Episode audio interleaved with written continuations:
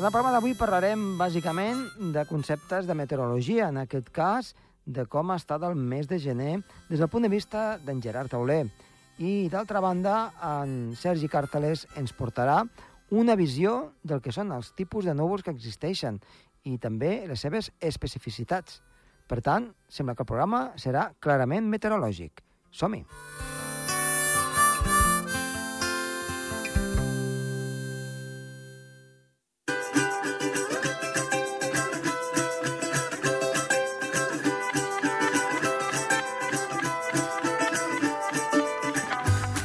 Comencem el programa i parlem amb el nostre company amic, meteoròleg, en Gerard Tauler. Gerard, molt bona tarda. Hola, molt bona tarda, Josep Tomàs.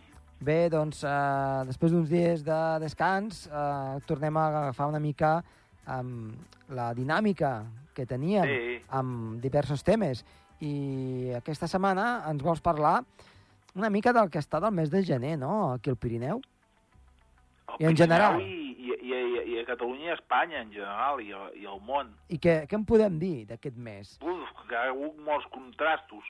Mentre hi ha hagut nevades i fa, fortes i onades de fred molt fortes entre els Balcans i Grècia i, i el proper Orient, que han arribat fins a Iraq, que s'ha arribat a menys 30 de mínima, Sí? Menys 30? Les temperatures han sigut molt superiors a les normals a Europa occidental, sobretot el, cap a Escòcia. Ja. I aquí a, a, a Espanya les temperatures han estat més altes del normal, sobretot les màximes, i especialment a alta muntanya, mentre que les zones més baixes, amb inversió tèrmica, les mínimes han sigut molt baixes. Per exemple, aquí a l'aeroport de Girona han tingut el mes de gener amb les mínimes, mi- mitjanes mínimes més baixes, des de 1971, fins i tot superant el gener del 85 a menys 2 en 4, el gener del 85 va ser de menys 2 en 1, Déu-n'hi-do. Per tant, Sí, temperatures... perquè aquell gener passa que a finals de mes, a partir del dia 18, les temperatures màximes i mínimes van pujar molt, sobretot les mínimes. Mhm. Però també les màximes, algun dia 21 i 10, i, i aquest mes no, estat més constant. Ja, ja, ja. I què en podem... I sobretot ha estat un mes molt i molt sec. Ja, Tot sí, Espanya cert. estem arrossegant una sequera que a veure si, si algun dia acaba. De fet, aquí a Andorra també ha estat un mes Sí, molt sí, i sí, molt sí, sec. mo- mo- molta sequera, molta a tot el. Pirineu, eh? Ja, ja ho és sec, eh? Uh, de totes maneres, l'hivern al Pirineu Oriental Sí, el Pirineu i el Oriental d'Andorra, és sec, però no tant, tampoc, no, no, no és Clar. normal que no plogui gairebé res. 60, 70, 80 litres ens cauen i aquest any doncs, ens han quedat molt, molt per sota. Molt poc. Hi ha, Pràcticament... hi ha hagut ratxes de, de, de, de, sense precipitació que he llegit al Meteocat de, de 60 dies que cap a la Garrotxa, entre Garrotxa i Ripollès. Clar, són zones molt humides, aquestes, que clar... Eh, Sí, però allà, de fet, a Olot, el clima d'Olot, de, de Bolós, diu que, que, allà les sequeres més fortes, més llargues, són a l'hivern. Vull dir que Mhm. ja, ja pot ser, eh? Ja pot ser, doncs. I llavors, clar, quan arriba la primavera i l'estiu és quan la cosa... Sí, doncs, bueno, tomb. allà després és que no para, clar, No amb para. les tempestes, amb la convecció, Sí, sí. la calor. I, i com, com s'ha vist el, el, el temps al mes de gener doncs, en, en altres zones d'Europa i, de, i del món? Va, doncs ha arribat un- una fred molt forta que ha arribat fins a Cuba, des de Canadà fins a Cuba. A, a prop de, de l'Havana s'ha arribat a 3 graus i s'han hagut d'abrigar els de, Home, de l'Havana, que no estan gaire acostumats. Perquè, clar, i, i ara estic pensant, doncs... Eh, eh, Hem de tenir en compte que l'Havana té una temperatura mitjana gairebé com la de Girona, al mes de, de juliol, eh, el, el gener, de 21 i mig, 22, wow, a Girona és més alta, Clar, clar, depèn de si considerem els centres, clar, el centre de Girona és 25 i mig gairebé, estic però pensant els jo, és de 23. la zona de... Si no Clar, les màximes són més baixes, però les mínimes no, no són gaire més baixes que les de Girona, eh? Clar, clar. A la zona selvàtica de Però, Sierra clar, Maestra... eh, És que les onades de fred eh, són molt i molt intenses a Amèrica del Nord. Mhm. Va, va glaçar, per exemple, allà Sí. a, a Florida i, i va haver-hi una caiguda d'iguanes, ja saps, aquell sí, animal veritat que dir, sí. que fa una mica de, de, de. Mm -hmm. Estava pensant que a, a, Cuba, a, si no m'equivoco, Sierra Maestra, que passen dels 2.000 metres, eh, Sí, segur que va nevar, nevar o temperatures negatives, no? Clar, una cosa in, clarament in, negatives. sí. in, insòlita, no? Doncs eh, bé, eh, esperem que aquest mes de febrer, de, de moment del que portem, moltes coses bones no en podem dir, No. però bé, ja ha canviat una mica la ha, hi ha una dinàmica. mica més de canvis, hi ha hagut una, una mica de variacions, no? Va, va passar un front i fa, fa pocs dies i, Sí, de fet, hi ha hagut precipitacions i ha nevat també. una mica, almenys ha, ha canviat una mica, mica, la sí. dinàmica. Sobretot el Pirineu més, mm, Més central. occidental de Catalunya Sí. i Andorra, Exacte. més que el Pirineu oriental de Girona. Uh -huh. Doncs Gerard, eh, molt bé, hem fet una mica de repassada el que és eh, el que ha estat el mes de gener. T'esperem la setmana vinent. Adéu-siau. Molt bé, que vagi molt bé. Gràcies. Vinga, adéu.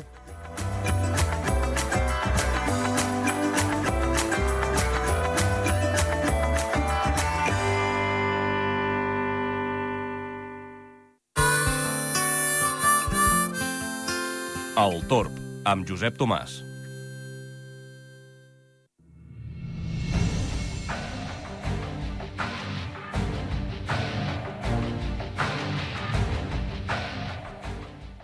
En el programa d'avui parlem amb Sergi Càrceres, el meteoròleg. Sergi, molt bona tarda. Bona tarda. Moltes gràcies per tornar a estar aquí amb nosaltres. Avui parlem d'un tema que penso que és d'aquests de... mm, primer de meteorologia, però que tothom ha de saber i que de tant en tant hem de repassar, perquè si no, a vegades eh, ens fa dubtar. Què és els tipus de núvols? Doncs sí, avui parlarem d'una temàtica que realment pot servir a, a tothom i sobretot a la gent que li agrada doncs, anar mirant el cel de tant en tant, aviam com està la cosa i veure també doncs, quins núvols eh, tenim. Mm. I realment és important saber quins són els tipus de núvols que tenim en el cel perquè podem pronosticar a curt termini també què és el que pot passar. Jo et dic una cosa, és una temàtica prou complicada, eh? O sigui, a priori Sí. sembla fàcil, a priori sembla fàcil, però arriba un moment que depèn de quin, quin tipus de núvols eh, em, et pot fer dubtar, eh? I més en, en zones, en zones d'alta muntanya, eh, de vegades doncs, trobes cada cosa doncs, que no se sol veure, no? I llavors et, et confon una mica. Una altra cosa és estar, per exemple, en una zona plana, no al costat del mar, que es veu molt, molt millor, i ja et una mica de pregunta trampa, que és, és dir, clar, tu estàs a, a l'Everest, bé que estàs a l'Everest, eh?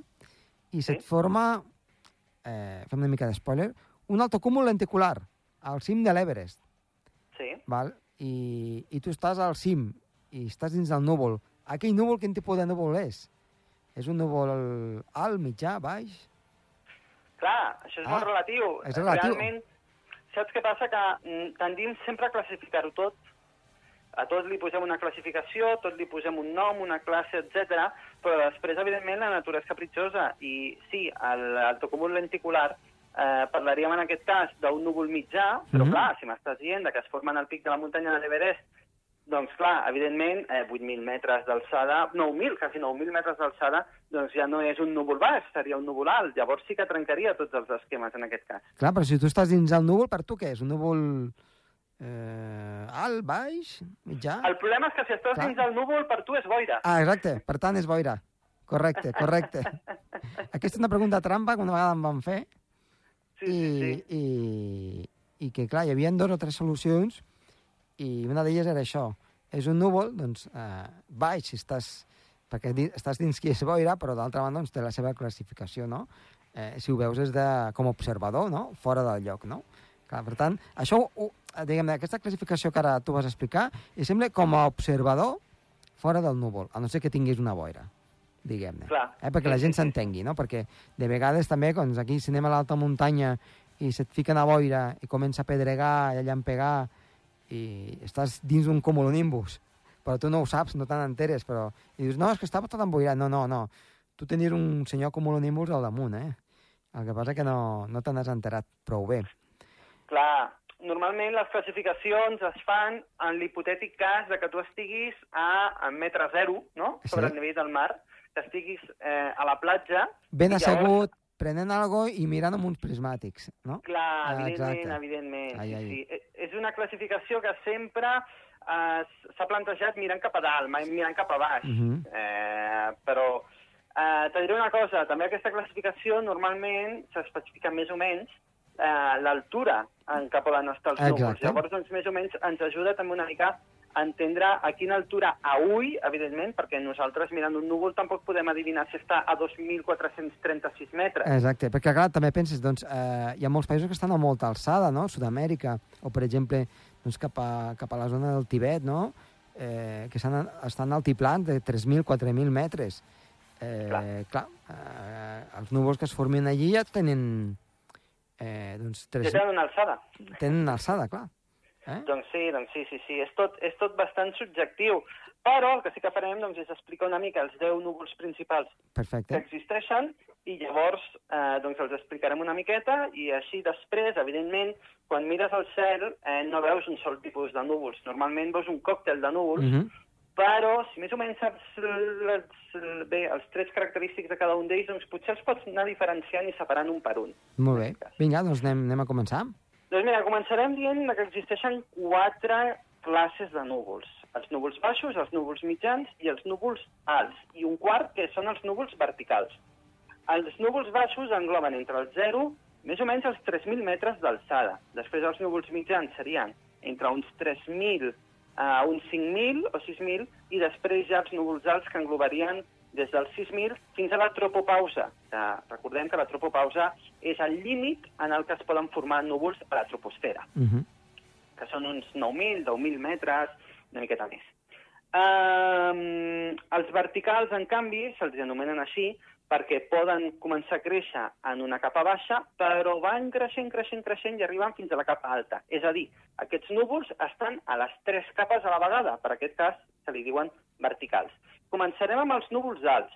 Aquests núvols alts eh, són els que a vegades els meteoròlegs diem que enteranyinen el cel. Per Mhm. què? Perquè deixen un tel de color blanc però molt fi en el que fins i tot es pot seguir veient el sol.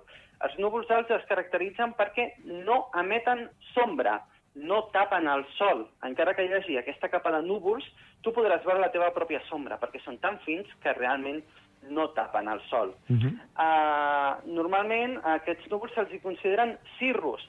Aquests eh, núvols, doncs, com diem, són molt finets i tenen, eh, normalment són filaments, són com, mm, diguem, com cabells que s'allarguen i tenen aquesta imatge doncs, tan pintoresca. Què passa? Si aquests núvols, a més de tenir una forma allargada com cabells, són una mica més eh, rodonets entre ells, llavors se li diuen cirrocúmuls. És una barreja entre cirros i cúmuls. Són, eh, molt, són boletes molt petitonetes, però igualment es segueix veient el sol.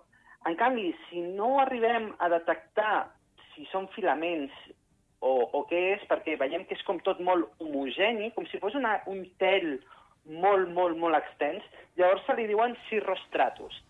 És un tel blanc que eh, normalment, quan hi ha aquest tel i mirem el sol, podem veure al voltant un halo, un halo solar, que realment doncs, és, és molt maco i veiem l'arc de Sant Martí 360 graus rodejant el sol. Realment és un efecte molt maco, però també demanem precaució, no mirar mai directament al sol, perquè si no ens pot danyar la vista.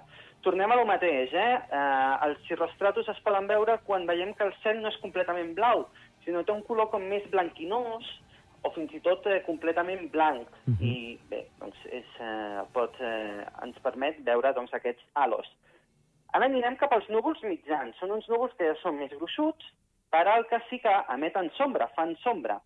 Uh, en aquest cas estan més o menys entre uns eh, 3.000, 6.000 metres d'alçada i els primers que direm són els altoestratus.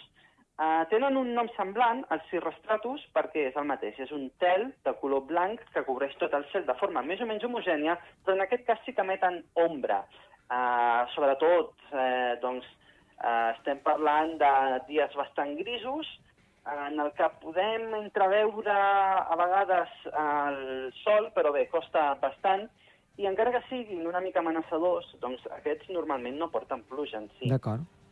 Uh, en canvi, si a més de tenir un tel així um, com molt homogeni, veiem que hi ha com protuberàncies, uh, com bultos, llavors són els altostratus, els altocúmuls, perdona. Uh -huh. Els altocúmuls que doncs, tenen aquesta forma com de rodonetes i, um, perquè ens fem una idea, hi ha una, um, una dita popular de pagesos que diu que eh, quan al cel eh, hi ha cabretes, hi haurà, hi haurà terra amb pastetes. És a dir, eh, quan veiem que el cel sembli que hi hagin com unes ovelles no? allà pasturant en el cel amb aquestes boletes de color blanc, normalment vol dir que unes 24-48 hores enllà segurament hi haurà pluges. Encara que sigui una dita popular i no, ting no tingués en si una base científica al principi, sí que s'ha demostrat que normalment quan hi ha aquests núvols és que s'està aproximant un front, un front càlid, i aquest front doncs, normalment ve acompanyada de pluja.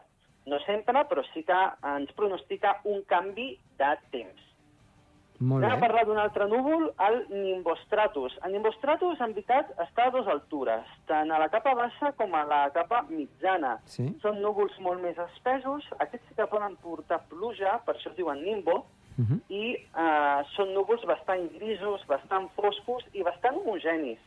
Eh, són els típics núvols de pluja estratiforme, és a dir, pluja molt seguida, molt continuada, d'aquestes que la gent que és aficionada al, a la meteo eh, veu al radar i veu que en el radar hi ha una capa molt extensa de color verd, de color blavós clar, és, no és pluja eh, gaire intensa, però sí que és continuada, és molt gran i pot estar plovent durant diverses hores, fins i tot algun cop ha plogut durant diversos eh, dies. Mm, és, és, seria, diguem-ne, la típica precipitació d'hivern, o quan aquí comença a nevar i diu fa cel de neu. Eh? Una mica, Sí. és un nimbostratus d'aquests i que neva don, durant hores, però feblement, però que va acumulant. Correcte, correcte, sí, sí, és perseverant, diguem que Sí, és sí. perseverant. De... Què més tenim? Tenim els núvols baixos, ara ja estem parlant de núvols que poden estar des de la capa 0, des de cota 0, Mm. fins a uns 2.000-3.000 metres. Començarem parlant dels estratocúmuls.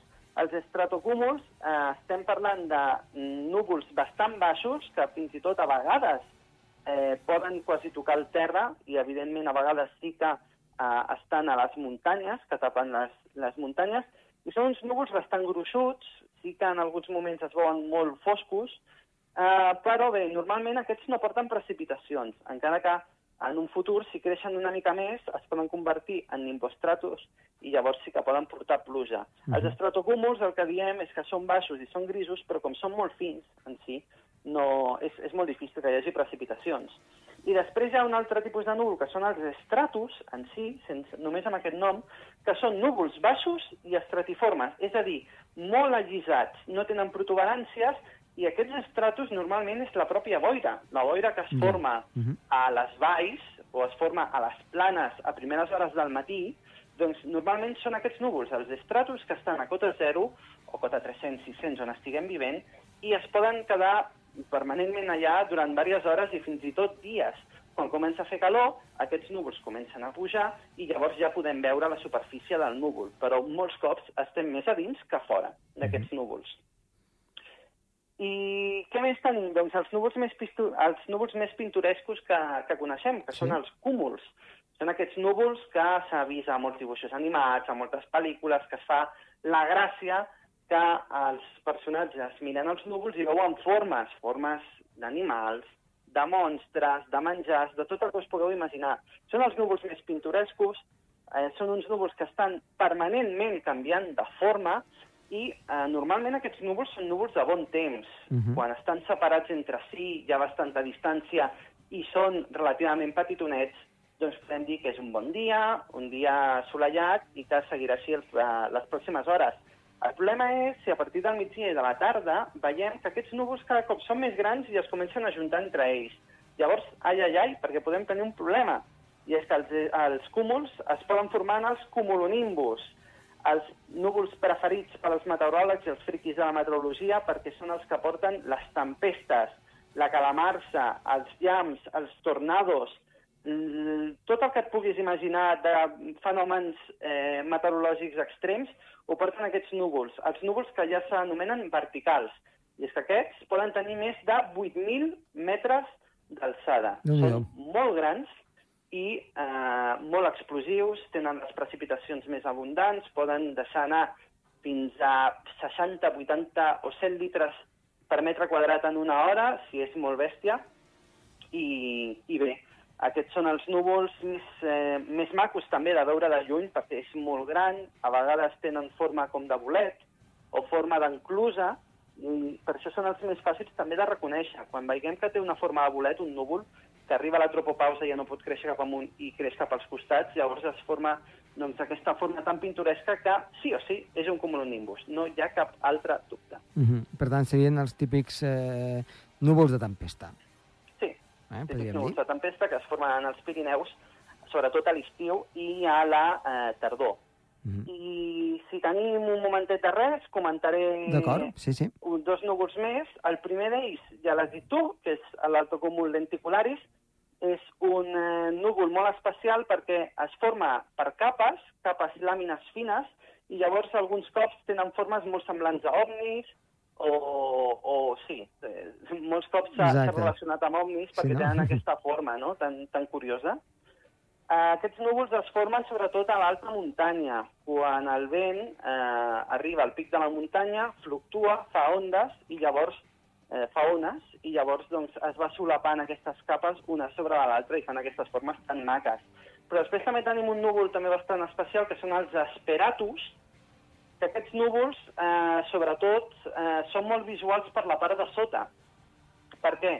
Perquè eh, són com onades, imaginem-nos onades gegants de núvols que es veuen del revés, i és perquè a la zona de baix del núvol hi ha molta turbulència llavors el núvol no es crea amb una capa de baix eh, estètica normal, és a dir, no és completament plana, sinó que va fent ondulacions molt grans. Són com grans onades i realment és, és molt maco. I per acabar també hi ha un, uh, un núvol molt especial que està dins de les tempestes, a la zona més calmada, que són els mamatus. Per què se li diuen mamatus? Perquè tenen formes de mames, són eh, formes molt arrodonides, semblant als cúmuls, i en aquella zona, si justament esteu a sota dels mamatus, podeu estar tranquils perquè aquella zona és la més tranquil·la de la tempesta.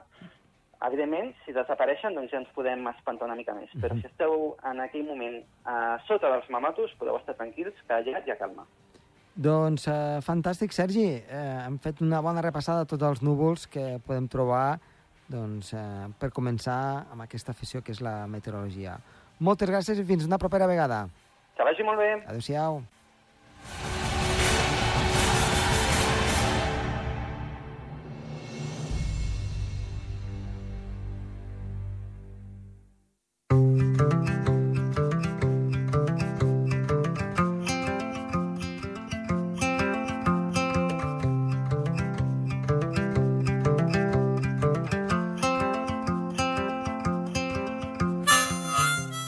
Acabar el programa, esperem que els hagi agradat, que hagin gaudit dels núvols i també del que ha estat el mes de gener i nosaltres ens trobem, ens retrobem la setmana vinent. Que vagi molt bé, adeu-siau.